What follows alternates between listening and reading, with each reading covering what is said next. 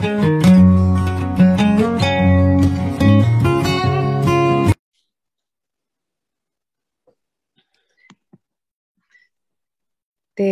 labai džiaugiuosi galėdama grįžti kartu su pokalbiais mūsų e, gelmės. Tai yra 24 pokalbis, pokalbis po ilgos pertraukos.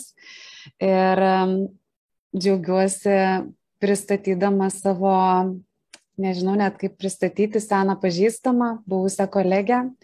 Primenu kad kiekvieną savaitę kalbinu kažkokį žmogų kuris su kuriuo mano keliai yra susitikę anksčiau ar pastaruoju metu ir žmogų pasirinkusį eiti sąmoningumo keliu žmogusį pasirinkusį eiti transformacijų keliu tam, kad jisai pasidalintų, galbūt įkvėptų kažką, galbūt praplėstų kažkieno e, sąmonę, matymą. Ir Ir šiandien mano pašnekovė yra Irena. Labas, Irena. Labas, Simona. Gera matyti pačią. Po tiek metų. Tikrai, mes e, buvom kolegės ir paskui tikrai nebendravom ir kažkokių bendrų taškų gal nelabai ir turėjom. Tai bus labai įdomu išgirsti apie tavo kelionę. E, gali papasakoti apie save daugiau, ką, ką tu šiuo metu veiki. Tada gal žmonėms bus aišku, kodėl aš tave šiandien kalbinu. Na, turbūt yra kelios. Šiuo metu tai aš visą galvą esu pasinėrusi ukrainiečių klausimus. Tai, tai čia yra kaip ir papildomas rytis iškilusi naujai. O profesiniai srityje yra dvi kryptis viena kryptis pastaruosius penkiolika metų mm, nuosekliai dirbu su organizacijom mokyklom tam tikrais atvejais ir valstybėm padėdama joms transformuotis ir konkrečiai e, transformuotis iš hierarchiškų struktūrų į bendruomenines, į, į tokias gyvybingas, žmonėm, žmonės įgalinančias struktūras. Tai, tai mano klientais būdavo, buvo vien kažkada ir Ukrainos švietimo ministerija, tai viena gyja su šiandien dienos įvykiais.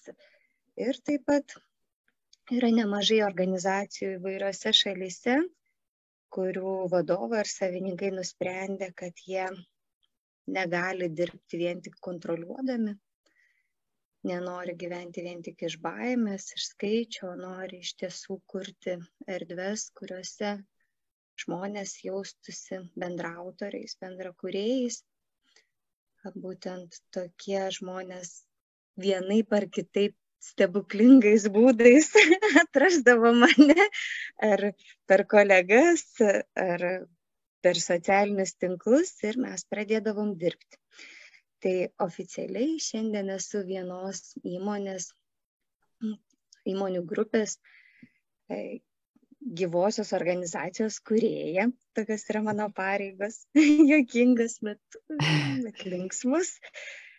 Va, ir kartu aš jau eilę metų esu įkūrusi dvi nepelno organizacijas. Jos jungia kūno judesio šokio terapeutus, meno terapeutus ir jie važiuoja į mokyklas ir dirba su sudėtingomis klasėmis. Aš 2015 metais sukūriau tokią metodiką, vadinasi herojaus kelionė, tokie žingsniai, kurie padeda grupiai, dirbant su grupės dinamika, padeda jai tapti bendruomenė. Mhm. Herojaus kelionės pagrindinė mintis, kad mes keliaujame iššūkius, nerime į vis gilesnius išbandymus, vis sudėtingesnius iššūkius, susidūrimą su savo ir, ir nemaloniom emocijom ir tokiu būdu išmokstam, tai šiuo atveju vaikai išmoksta priimti vienas kitą labiau ir tapdami bendruomenė, jie iš tiesų pradeda gebėti vienas kitą palaikyti. Tai mūsų klientai dažniausiai yra pačios sudėtingiausios pramuštgalvių klasės, kur jau mokykla sako, jie lipa sienom, niekas nesusitvarko, tada skambina, kviečia ir mūsų terapeutų komanda važiuoja ir su jais žaidžia, šoka, dainuoja, aptarinėja, reflektuoja, medituoja. Ir, na ir rezultate vyksta pokyčiai. Iš tos nevykusios klasės pasirodo visai vykę vaikai, ar ne?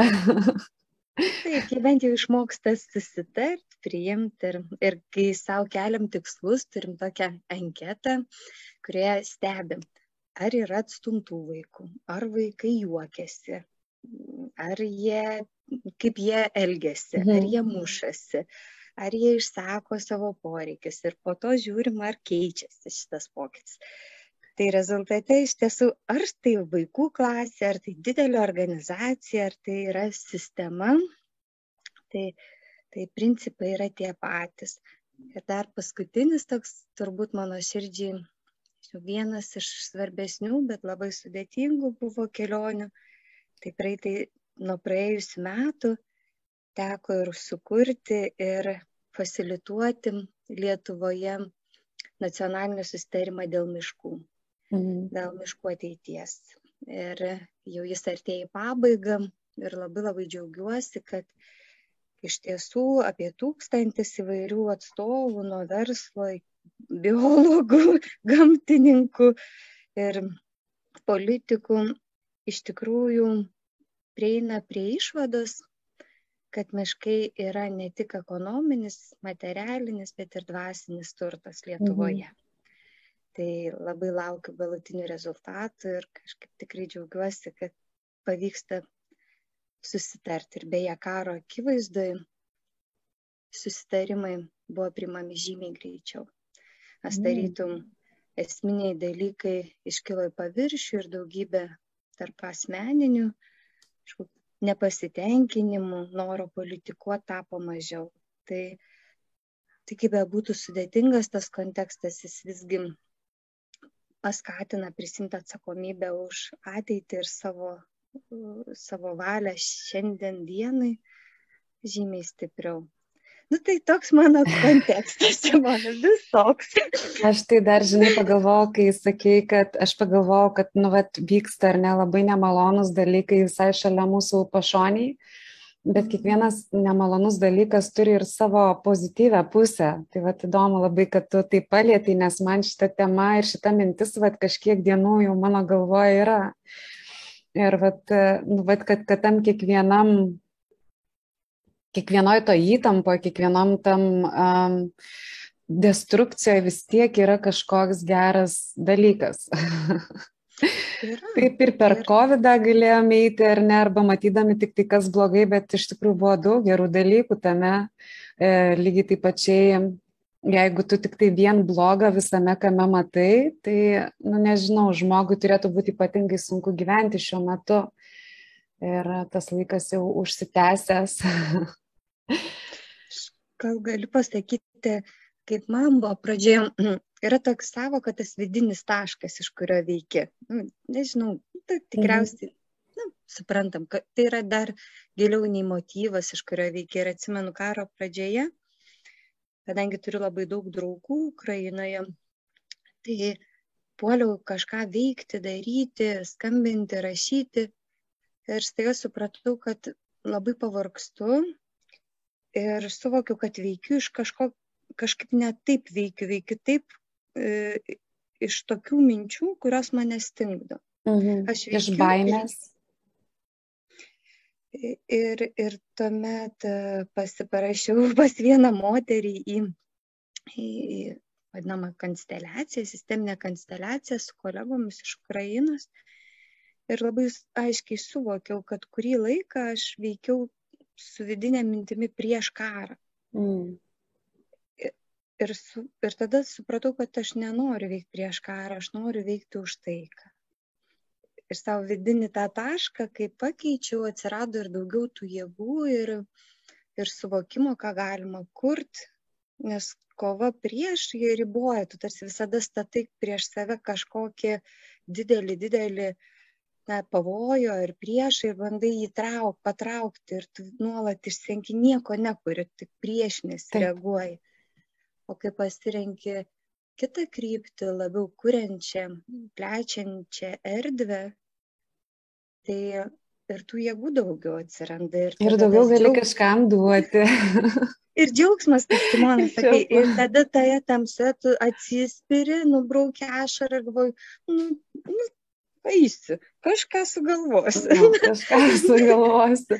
Man labai primena tavo istoriją, um, Berots motinos Teresės istorija, kai jos paklausė, kodėl nedalyvaujat protestuose prieš karą Vietname. Jis pasakė, kad aš jokiuose protestuose nedalyvausiu, aš visą laiką būsiu už taiką. Man kažko šitą istoriją tokia panašia. Tai nežinau, e, palėtėm šitą temą, galime eiti į šitą temą arba galime eiti į tavo kelionę iki, to, ko, iki šitų atradimų, ar ne? Manau, kad per tuos, e, nežinau, 15 metų, 14 metų buvo daug įvairių pokyčių, gal, gal tada trumpai papasako, kas tave pastumėjo, ar ne, plėsti savo sąmonę, plėsti savo akiratį išeiti galbūt iš savo komforto zonos, galėjai nerti į verslus, bet pasirinkai daugiau socialinį kelią ar ne, daugiau kelią, kuris nukelia ne dėl pinigų, aš taip suprantu. Tas nebūtinai, aišku, nėra šalia, bet visai kitokios vertybės ir visai kitokie žingsniai ir postumiai gyvenime. Pradžia mm, dar e, atsimenu tą dieną ir atsimenu net tą vietą mieste Vilniuje, kur einant man atėjo suvokimas, aš dar tuo metu dirbau bankė ir, ir gana sėkmingai. Ir kaip tik kaip įprastai istorijose net banalu klausytis, bet įprastai tą akimirką, kai gauni didesnį pasiūlymą, paskatinimą už tai, ką darai gerai, mm tau iškyla klausimas, nu, va, man iškyla irgi ir girdėjau daugybę kitų žmonių panašias istorijas, būtent to akistatą, kai gali rinktis ar gausą, ar na, judėti toliau tą kryptimį, kurią jie iki šiol iškyla klausimas, ar aš noriu. Ir aš suvokiau, kad na, aš toliau iš tikrųjų nenoriu taip gyventi, nors atrodytų nieko blogo nėra, bet dabar mes taip vadinam prasmės galbūt šaukimas yra, tačiau iš tiesų, kada padaugini metus į priekį, praeities metus į priekį ir sakai, va, praėjo penki metai, jeigu į ateitį dar dešimt metų bus panašių, ar aš noriu tai.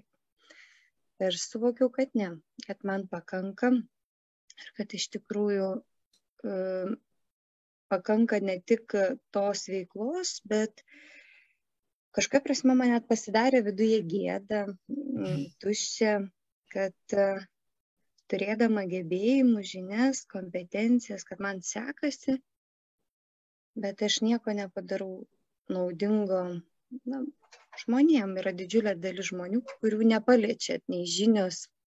Va, tai tas suvokimas galbūt savo gebėjimų ir, ko, ir kur aš juos investuoju, man, man da, e, sukėlė vidinę krizę, atsiprašau, dukrytę, jis sukėlė vidinę tą krizę ir aš, ir aš priėmiau sprendimą, kad aš išeisiu, nepaisant visų paskolų ir, ir kitų dalykų, aš priėmiau sprendimą, kad aš išeisiu ir aš išeisiu į vaikų namus dirbti. Ir atsimenu, kad tada klausiau Dievo, ką man daryti, Ir jis man sako, toks ateina suvokimas mažųjų gale. Čia dabar galvoju, nieko nesuprantu. Taip aiškiai buvo, kad mažųjų gale, kad mano darbas yra mažųjų gale. Nu ir taip visą tą daugybę metų aš ir bandžiau interpretuoti, atsakyti, kas yra. Ir vis rasdavau vieną atsakymą, po to kitą, kas yra tas mažųjų gale man. Mažųjų galinimas, mažutėlių įgalinimas. Ir ir iškeliavau į vaikų namus, bandžiau kažką labai aktyviai veikti, man viena moteris pasakė tiesiog būk, tada aš tiesiog buvau. Ir nuo šito taško prasidėjo kelionė, aš po to vadovau vienai organizacijai, kuri užsiema vaiko teisų klausimais. Ir na, teko uždaryti vaikų namus, kuriuose buvo prievarta prieš vaikus. Tai buvo labai sudėtingas atvejis, gana skandalingas Lietuvoje. Ėmiausi iniciatyvos ir po šio atveju vaikų namus uždarė, bet aš susidūriau su labai dideliu priešiškumu ir, ir turėjau palikti šalį. Man buvo nesaugu Lietuvoje. Ir aš palikau šalį, laukiausi tuo metu žiemą, pardavau būtą, susidėjau daiktus ir išvažiavau į Bosniją, į vienuolyną. Į Bosniją. O, wow atrodo ne tokią saugią šalį iš tokios saugios Lietuvos. Ir, ir, ir išvažiavau į Bosniją, į mm, Pranciškonų vienuolyną. Ir čia buvo stebuklas, paskutinę valandą ar kelias valandas kelionį. Aš e, neturėjau jokio žemėlapio, nes man neveikia jau ten GPS. -ai. Ir aš įsukau kiemą ir ateina brolis pranciškonų, aš su juo sveikinuosi ir aš supratau, kad aš įvažiavau į kiemą to vienuolyno, kur ir turėjau atvažiuoti. Taip, tai supratau, kad... Tada mes ar ne atsidūrėm ten, kur turim atsidurti, su tais, su kuriais turim būti ir tada, kada turim būti. Va, ir tuo metu man atrodė, kad toks ir bus gyvenimas klajoklio, nuolatos bėgančio nuo kažko žmogaus. Tačiau aš ten išbuvau keturis mėnesius ir, ir priemiau sprendimą, kad visgi grįšiu Lietuvą. Ir mano vyras tuo metu buvo Lietuvoje.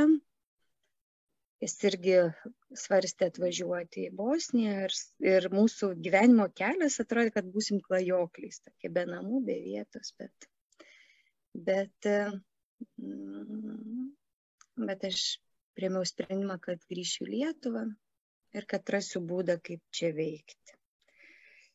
Grįžau Lietuvą, gyvenom mažą mažą miestelį mm, pas mano tėvus, mm, vienam kambarį, bandėm dirbti.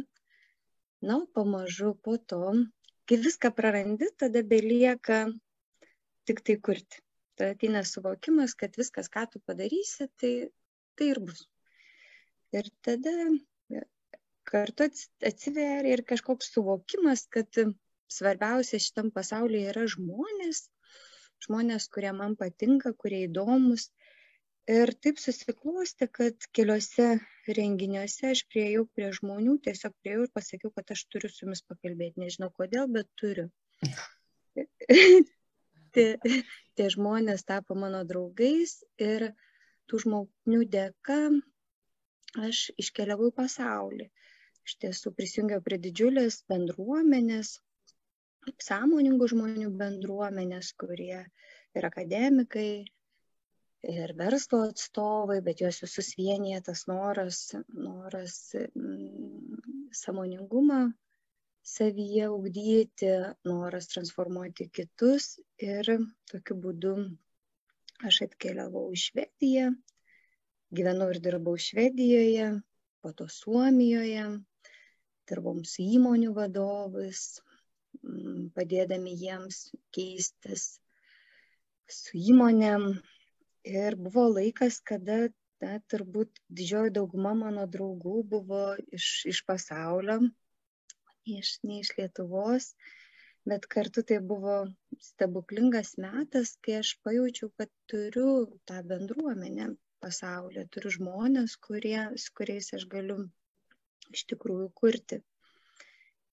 Ir aišku, atsirado naujos žinios, kažkoks laukas, kontekstas.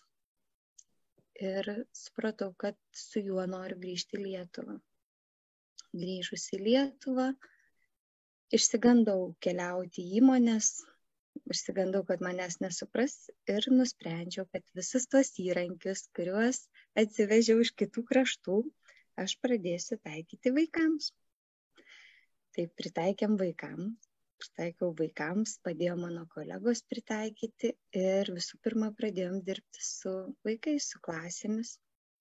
O po to jau pamažu atrasdama tuos suaugusius, kurie man atrodė, jog supras, ne iš karto tai pavyko, kurie supras, ką norisi nešti, ką norisi sakyti, kokios kitokios gali būti struktūros, organizacijos, kokios gyvybingos, šviesios jos gali būti talentingos, sėkmingos, be kontrolės, o, o būtent įgalinant žmonės, išlaisvinant juos veikti, kurti, būti geriausia savo versija. Ir šiandien dienai tai Lietuva yra mano didžiausia meilė. Pavyko tą traumą. Buvo laikas, kai negalėjau, iš, iš tikrųjų nenorėjau grįžti, man atrodo, viskas čia taip sunku, taip sunku, taip ne taip bet šiandien dienai jau manau pavyko man iš naujo pamilti ir ypatingai karo akivaizdoje pamatyti visiškai kitą šalį. Šalį, kurioje yra daugybė nuostabiausių žmonių. Net jeigu ir institucijos ar struktūros jas lėtos, vangios, abstrakčios, tai žmonės yra kažkokie stebukladariai. Tai, tai man iš tikrųjų šitas kelias kad ir tas susidūrimas su Ukraina yra ir tam tikros vidinės, gal vadinam taip traumos ar vidinio nemalonaus patyrimo pokytis, atradimas, kad yra ir, ir, ir, ir labai daug grožio mūsų šalyje. Nu, man atrodo, kad lietuviai dabar stipriai labai išgyvena tą kolektyvinės traumos um, mhm. iškelimą. Mhm. Ir um, Labai. Daugelį, daugelis, nes, e, kaip sakyt, okupacija, karas praktiškai yra mūsų DNR, ar ne? Tai yra šalis, kuri nuolatos buvo puolama, grobiama, dalinama. Ir mhm. karą išgyvenę mūsų protėviai ir proprotėviai ir viduje atrodo viskas drasko ir kiekvienas reaguoja aišku savai, kaip tu prieš tai ir paminėjai, ar ne? E, vieni puola kažką daryti, kiti, kitiem įsijungia abejingumas, tretiem, kiti, treti puola e, pulti kitus, įvairiai žmonės pasiskirsto, kiti apsimeta, kad nieko nevyksta, o kiti, nežinau, bėga, dar kiti dar kitaip reaguoja, visi labai skirtingai, bet užsieniečiai mūsų ir gyvenantys toliau mūsų net negali mūsų taip suprasti. E, galbūt posovietinės šalis kitaip, bet e, ne visi supranta ir kitą kartą pakalbį ir paaiškini, sako, wow, niekada nepagalvojau, ar ne? Mm. tai va. Tai e, tu nuo karo pradžios e, nuveikiai nemažai, kiek žinau. sunku pasakyt sunku įvertint simona čia yra tokia begalinė jūra žinai jūra to skausmo tai tai taip atvirai vakar gulėjau naktį lovoje jau kažkurie dalykai stabilizuojasi ir galvoju kad viskas viskas ateina tas momentas kai jau daugiau nebe nebenoriu man užtenka ir tada taip sakau o dieve padėk man per šitą pereit kad tai nebūtų jau viskas, kad tai nebūtų gana, nes iš tikrųjų va, ta, ta, ta, veikla tokia, iš, kuri kyla iš, nežinau, aš savo sakau, kad jį iš atjautos turbūt kyla, nes arba verki ir nieko negali padaryti, arba verki ir sakai, nu viską, nu kažką daryti. Tai, tai, šitas, tai kažkaip galvoju, kad mm, ar daug ar mažai, norėtųsi dar daugiau padaryti, ne dėl to, kad atrodo per mažai, bet dėl to, kad labai sunku būti tame, matyti tos žmonės, girdėti istorijas ir tiesiog būti yra labai vertinga, bet kartu toks momentas, kada viską reikia veikti. Kart, kartais reikia veikti, reikia priiminėti sprendimus. Tai, tai šią akimirką, kai uždavai klausimą, aš pagalvojau, kad jeigu jau kyla jausmas, kad jau man gana, vadinasi dar mažai.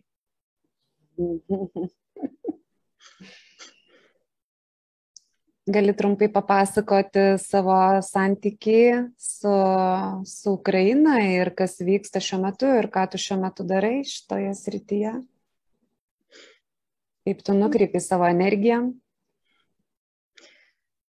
Mm, mm, aš su Ukraina nuo, nuo praėjusio dar karo, to vadinamo Maidano, 15 metai, kada buvo dirbau.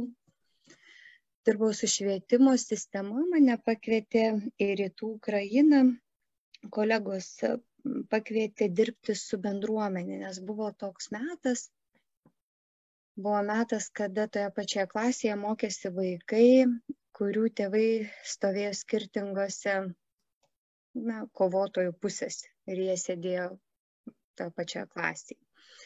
Tai buvo labai suskaldyta visuomenė ir ir aš bandžiau padėti mokyklų vadovam, mokytam rasti būdus, kaip visgi sukurti mokykloje tą erdvę, tą kitą alternatyvę erdvę, lauką, kuriame visi net ir labai iš priešingų pozicijų, iš skirtingų šeimų pozicijų vaikai galėtų jausti saugiai, ir, ir, ir dirbti ir būti kartu. Po to susiklostė tai, kad po pirmo to karo labai pradėjo skilti pati valstybė, dalis žmonių rytų Ukrainoje, jie nemokėjo ukrainiečių kalbą. Valdžia priemė sprendimus, kad privaloma ukrainiečių kalba ir staiga dalis žmonių tapo, tapo priešai savo viduje buvo labai daug vidinių pabėgėlių, kurie bėgo iš rytų Ukrainos į centrinę. Tai nuo paveikslo konflikto įtampos klasės viduje iki paveikslo šalies kontekste. Tai reikėjo kelių metų ir tokiu būdu nuo darbo su mokyklomis aš pradėjau dirbti ir su švietimo sistemos reforma tai čia tokia pradžia. Tokiu būdu labai daug draugų atsirado bičiulių nuostabių filosofų ir moky, mokytojų taikdarių. Ir kada prasidėjo karas aš buvau visiškai ramybės oazėje aš turėjau sesiją tris dienas su didelė grupe. Mes diskutavom apie bendruomenę ir aš suvokiau kad tai buvo mano išsigelbėjimas nes man reikėjo atrasti formą kaip sugrįžti pas savo draugus. Tai tarytum buvom nuostabioj saloj, diskutavom apie samoningumą, meditavom, meldėmės, kalbėjom, už nugaros vyko karas ir aš nieko nedariau.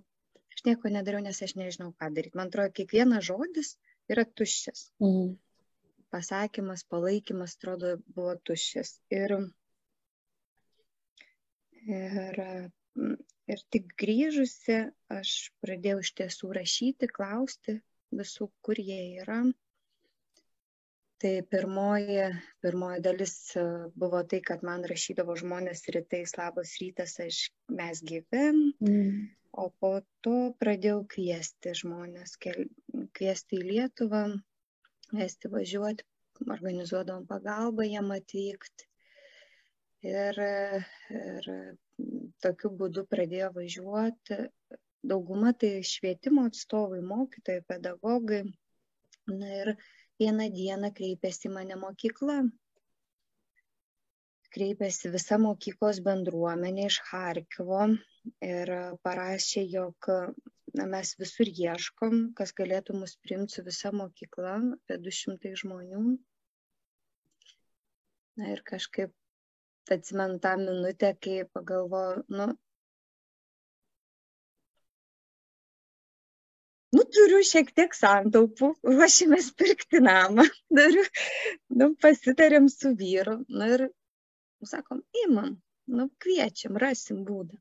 Nebuvo nei patalpų, nieko, bet kažkaip galvoju, nu kas, nu tengi Harkovo, ta visa šaudo, jis, jis didė, didžioji jo dalis yra sugriauta, o ten yra žmonės, dalis žmonių iš tos mokyklos buvo pačiam Harkive, kiti buvo išsibarstę per Ukrainą ir mane nustebino jų vieningumas. Jie važiavo visą savaitę, rinko savus, toks autobusais, rinko savus į vieną grupę.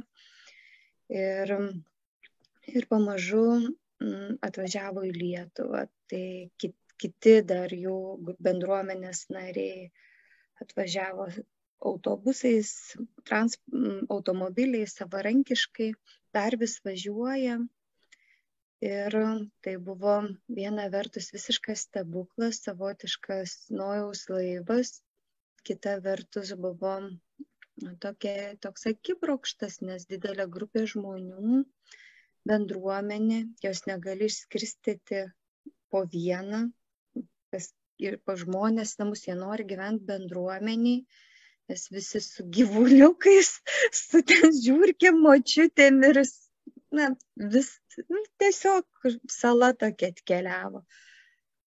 Ir, ir iš tiesų buvo toks iššūkis pradžioje, kad nei viena institucija neatsiliepė. Reikėjo surasti vietą, kur šie žmonės galės gyventi. Tai labai džiaugiuosi, kad praėjusią savaitę jau vaikai įžengė į mokyklą, pradėjo mokslo metus ir, ir jau yra aiškumas dėl gyvenamos vietos. Yra dvi nuostabios vietos, viena, trys vietos. Bazilijonų namuose, kur kieme yra graikų katalikų bažnyčia ir, ir vyrai vienuoliai kalbantis ukrainietiškai. Jos pradėjo globoti, o kita vieta yra sanatorija Pušyno kelias, kur irgi Dievo užantį, bet sanatoriją iš ligoninės reikia paversti namais. Ir dabar vyksta toks stebuklingas projektas, kai lietuvių dizaineriai išsirinko po kambarį ir jį, ir jį renginėje, kad wow. ligoninės patalpos taptų. Man šitą, žinai, visa istorija, tai va tas um, toksai nesvarbu, kas vyksta, bet neprarasti žmogiškumo, ar ne? Kad um, nežinau, tai ta pagalbos ranką ištiesti tam, kam reikia. Apskritai ta, ta tema pagalba, kurią su tim galbūt norėčiau šiek tiek paliesti daugiau. Tai nežinau, savanorystė yra laikoma labai aukšta energetinė vibracija, ar ne? Ir bet um, tu esi tas žmogus, kuris padeda kitiems, daug daro, kad padėti kitiems, negalvodamas apie tai, ar čia atsipirks ar neatsipirks, ar apie pinigus. Tai um, kai, kodėl tu tai darai, kodėl tu padedi, ką tau tas duoda, ką duoda savanorystė, ką duoda tarnystė, galbūt va šita tema šiek tiek.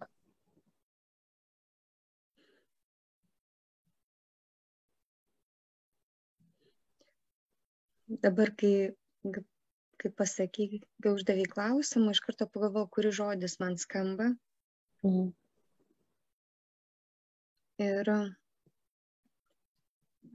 e, kažkuria prasme tarnystė galbūt skamba man jautriau, turbūt dabar tik tai tavo dėka išgirdau, kad man tai nėra savanorystė. Nes savanorystė aš niekada nebūdavau savanorė beje. Labai trumpai, nes man atrodydavo, kad visada turi būti mainai. Ir aš matydavau, kaip yra piknaudžiaujama savanoriška veikla mhm. įvairiose organizacijose. Ir, ir dažnai ir pasisakydavau, kad tai gali būti tik trumpalaikis sprendimas, tai gali būti uh, na tokie moraliniai pasirinkimai bet tai negali tapti alternatyva darbui kada iš tiesų atliekamas rutinis kasdienis darbas ir tiesiog už jį neatlyginama. Tai man labai svarbu kad būtų mainai. O tarnystė kai paklausė išgirdau kad tai yra apie pasirinkimą veikti. Tu gali tiesiog pasi, būdas, kaip veiki. Ir, ir tai yra būdas, kuris turbūt labiau nukreiptas į, į kitą, gebėjimą pamatyti kitame savo situaciją. Ir žiūrė, žiūrint į kitą, suprasti, kad aš irgi toks pat žmogus ir aš lygiai taip pat esu ta, šią akimirką toje situacijoje. Tai yra kaip pasakyti, aš pradėjau matyti šitam kontekste, kaip skirtingai galima teikti pagalbą. Galima teikti pagalbą kitam, kito nesuprantant ir tai irgi yra pagalba, ir tai irgi yra gerai. Ir ji gali būti labai svarbi tam, kuris duoda.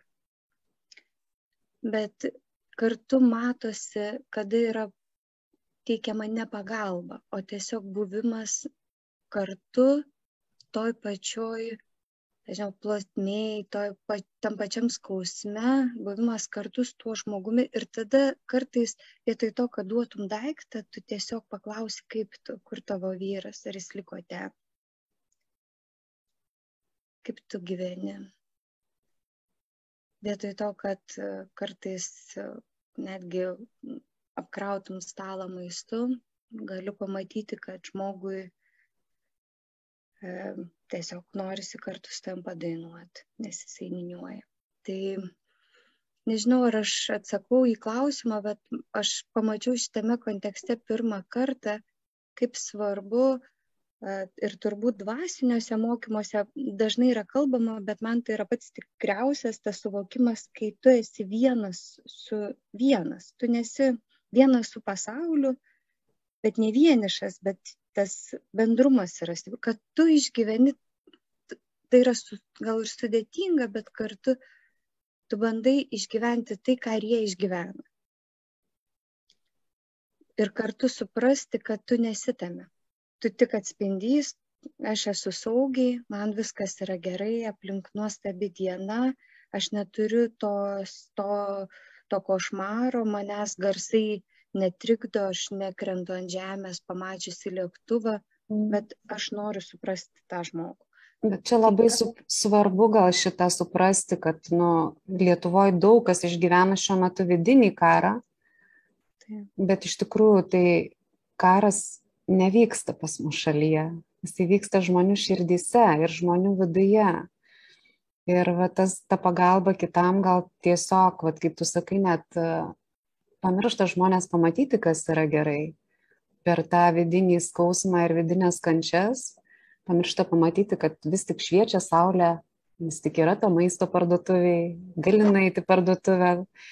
Um, į darbą irgi gali eiti, ir kvepuot gali, ir, ir, ir yra daug gerų dalykų. Bet man dar klausimas toksai tau, kaip tau pavyksta rasti stiprybės kaip suprantu, tu pasisemi ir greičiausiai ir duodama grįžta labai ir nedavimo gavimo energija labai stipri, kuo daugiau duodi, tuo daugiau gauni. Čia šitas dėsnis labai stipriai veikia ir ko gero, nu, aš įsivaizduoju taip, kad pačią tave labai tas motivuoja. Ir, um, bet vis tiek, vat, um, kai yra tos skausmingos akimirkos, vis tiek tokių, manau, kad būna dirbant, e, e, būnant šitoje erdvėje ar ne ir su tai žmonėmis, Iš ko tu pati semiesi stiprybės ir tvirtumo?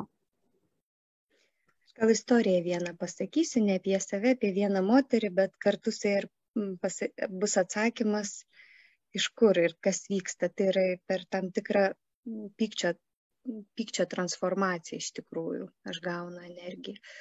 O istorija yra tokia, kažkada teko kalbėti su moterim, manęs su ją pasikalbėti paprašė bendradarbiai sakydami, jog ji labai pikta ir konfliktiška. Aš kalbėjausi su moterim, o ji turėjo daugybę įvairių vėžio formų. Kiekvieną rytą prieš eidama į darbą dar užsukdavo į polikliniką, kad jai perbintuotų žaizdas. Vadinasi, nuolatos nešiojo begalinį skausmą. Ir tai buvo jau daug metų ji dirbo buhalterė ir aš jos klausiu, kas jūs laiko šitam gyvenime su tiek skausmų. Ir, ir ji man sako, žinai, įniršis, pyktis. O aš kiekvieną rytą atsikeliu ir sakau, ne, aš dar nemirsiu. Mano dukra su mažu nukėliu. Mums dar reikia namą sutvarkyti, kad ji galėtų gyventi ir ji pradėjo vardinti. Ir aš sakau, aš tai girdžiu ne pyktį, o meilę. Ir iš tikrųjų jėgų man suteikė tas suvokimas, kad nu, skambės galbūt paradoksaliai, bet kai aš pajaučiu, kad ne, aš nenoriu, aš nepritariu, aš negaliu, aš negaliu matyti, man skauda ir aš negaliu to laikyti viduje.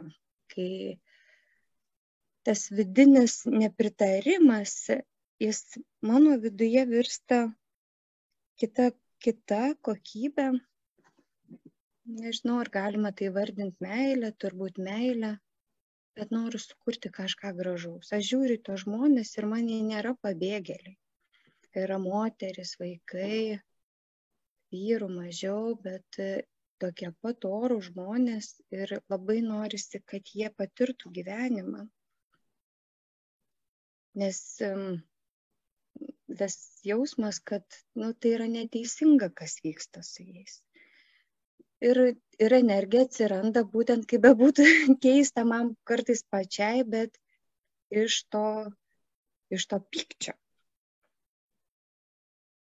Tu tiesiog sugebi transformuoti savo pykčio energiją ir nukreipti ją į kūrybą. Mm. Išeina. Dar kita tokia tema, vat, kas man kalbant, mm, irgi kilo ir man atrodo tokia kylanti labai e, jautri tema. Um, mes padedam ukrainiečiams, ar mes nepamirštam savų.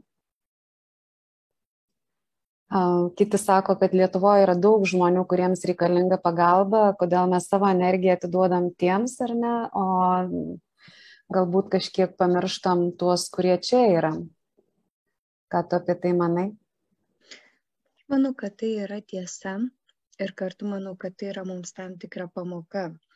E, ukrainiečių galbūt tas stiprus smūgis šitos situacijos, šito konteksto, jis pakvietė kiekvieną išgirsti, iš, iš ko aš veikiu, kaip atrodo mano diena, ta mano rutina. Atsikėliau, nuėjau parduotuvę, padariau valgį, ten pažiūrėjau filmą, kažkokius darbus atlikau, pasivaikščiau su šeima po parką ir vėl kažkokia rutina. Ir, ir aš matau tiesiog aplinkų, kai e, žmonės atveria kitą erdvę, tarsi širdies erdvę ir iš jos pradeda veikti tai, ko niekada nedarė. Mm.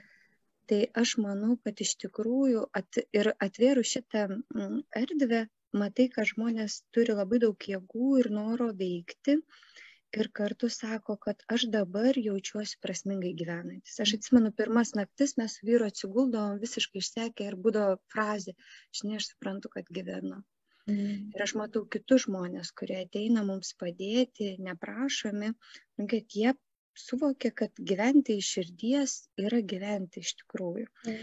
Ir aš manau, kad šita, šitas atsiverimas jis yra tokia didžiulė dovana kiekvienam, suprasti, kad aš turiu ir tikro gyvenimo galimybę, jis niekur nedings, nes tai yra, tai yra labai didelis malonumas. Yra labai didelis džiaugsmas. Tai aš esu šimtų procentų tikra, kai mes tik tai, tik tai na, bent truputėlį ant bėgių pastatysime ukrainiečių situaciją, nes labai didelis rautas ir reikia absorbuoti šitą, iš tikrųjų šitą jausmą atsuksime į savus. Aš bent jau žinau apie save. Tikrai. Kad aš jau žinau, kaip veikti. Aš galbūt neišdrįsdavau veikti, man atrodo, norė, mintise galvojau, kad naisiu į hospisą, bet man atrodo, kaip aš ten naisiu, dabar suprantu, pasimsiu šluotą, pasibelsiu duris ir sakysiu, kam reikia kažką išluoti. Tai aš tikiu, kad mes iš tikrųjų išmokę šitą, kažkiek pasimokę iš šito konteksto, mes greičiau gebėsim ir padėti saviem. Aš žinok, labai panašų jausmą nešiausi, bet um, kažkaip nesu iš tų, kurie, e, kai atsitinka kažkas, labai kažkaip reaguoja mėgstu pasižiūrėti šono, bet tu tas temas tokias jauti ir matai, ir ne kas eina socialiniai medijoje ir taip toliau. Aš lygiai tą patį galvoju, kad čia toksai tas pagalba ukrainiečiams, tai yra mūsų pačių tautos būdinimas. Ir kai vis tiek viskas anksčiau ar vėliau pasibaigs, karas anksčiau ar vėliau pasibaigs, netruks amžius. Ir kai viskas grįš į vėžes, mes mokėsime padėti ir tiems, kurie yra čia. Nereiškia, kad mes nemokėjom, bet mes galbūt mokėsime ir galėsime tą padaryti daugiau, su mažiau išskaičiavimo ir platesniam širdim. Man toksai, vat, irgi va, šitas visas procesas, kas šiuo metu vyksta, tai toksai, kaip tu ir sakai, širdies atverimas. Širdies atverimas svetimam.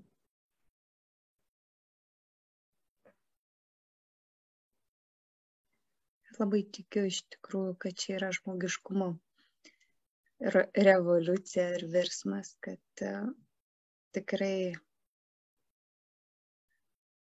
na, po šitų įvykių, taip atrodo, po šitų, kada bus tas po, turbūt mhm. manau, kad mes jau matom, kad galim visiškai kitaip veikti Lietuvoje. Žymiai jautriau, e, apeinant tam tikras biurokratinės e, kliūtis, kurios yra visiškai beprasmės, veikianti žmogiškumo, mes galim labai labai daug padaryti. Mhm.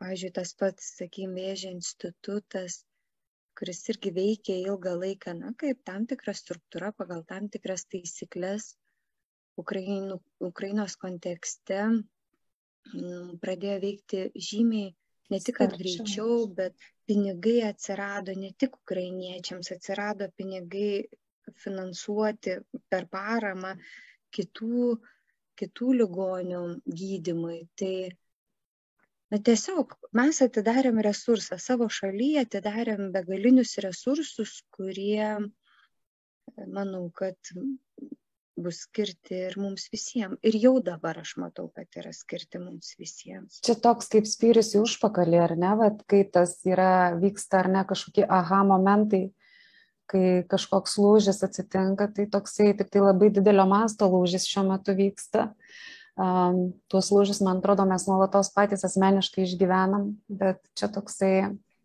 labai globaliai ir nepaliečia daug šalių, daug tautų.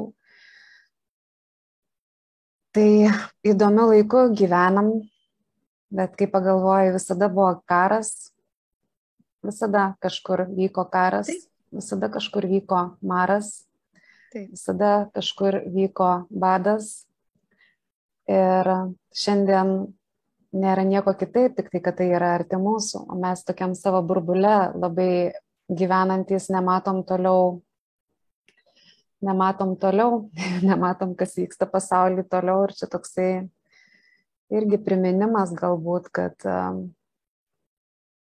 išgyvenom daug dalykų ir išgyvensim ir šitą. Taip. Aišku, o visa kita tik tai požiūrio dabar jau klausimas. Jau aistros rimsta, visi supranta, kad e, nėra kitos išeities, tik tai gyventi toliau. Kaip gyventi yra pasirinkimas, kuo džiaugtis arba dėl ko pykti irgi yra pasirinkimas. Ir man šitie visi procesai, kas vyksta pasaulyje, tai toksai vat, didelis kvietimas žmonės būsti, atsimerkti, ką tu paminėjai, atverti širdį. Pradėti gyventi tomis vertybėmis, apie kurias mes tiek daug laiko kalbam. Tiek daug knygų esam perskaitę. Seminarų, mokymų. Ir praktikos metas. praktikos metas. Nu, man labai gerai iš tikrųjų tave girdėti Ir iš tikrųjų labai džiaugiuosi, kad su tavim būtent šitą temą liečiam. Um, apie labai jautrius dalykus su šypsena sugebėjom iškalbėti, bet man dar toksai priminimas yra filmo Gyvenimas yra gražus. Esi mačius šitą filmą? Taip, taip, žinoma. Taip. Jis labai gražus bet kokiam sunkiausiam akimirkom reikia nepamiršti, kad, tai, kad vis tik tai gyvenimas yra gražus, o mes vis tiek anksčiau ir vis, vėliau visi mirsim. Nepatogios temos, bet reikalingos. Mhm. Mamytė visą laiką sakydavo, grožis žiūrinčio akise. Mūsų pokalbis eina į pabaigą, bet gal yra kažkas, ką tu dar norėtum pasakyti arba perduoti kažkokią žinutę tiems, kas mūsų klauso.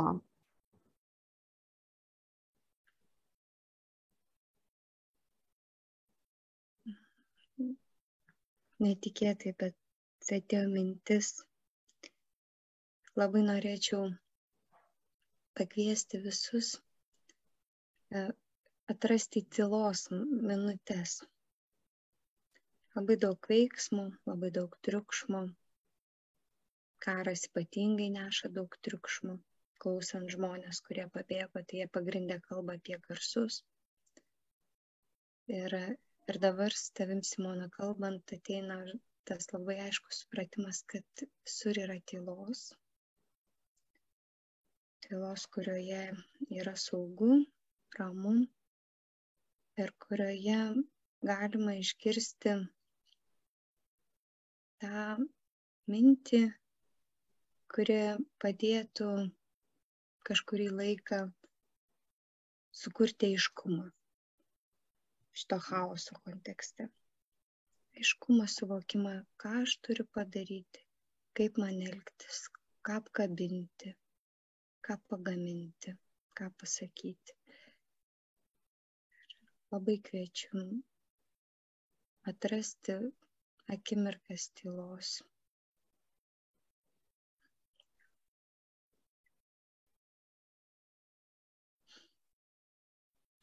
Labai geras palinkėjimas iš tiesų, kad um, daug žmonių, man atrodo, gyvena trikšime.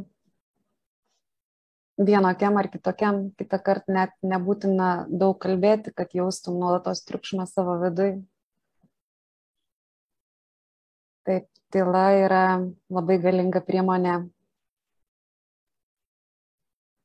pakeisti tai, kas yra viduj.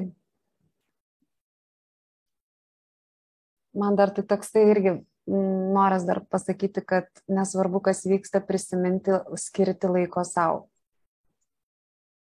Nes žmonės tiek užsisuka baimė ir tose savo vibracijose žemose labai ir taip kuria ir eskaluoja tą savo vidinį karą ir taip pritraukinėja lygas, kad labai svarbu nepamesti savo pomėgių, savo, mm, nežinau, kažkokio laiko savo, kažkokio pasibuvimo su savim, nepamiršti draugų. Tiesiog tokie labai paprasti dalykai ir nepamiršti to savo įprasto gyvenimo kažkiek irgi, ar ne?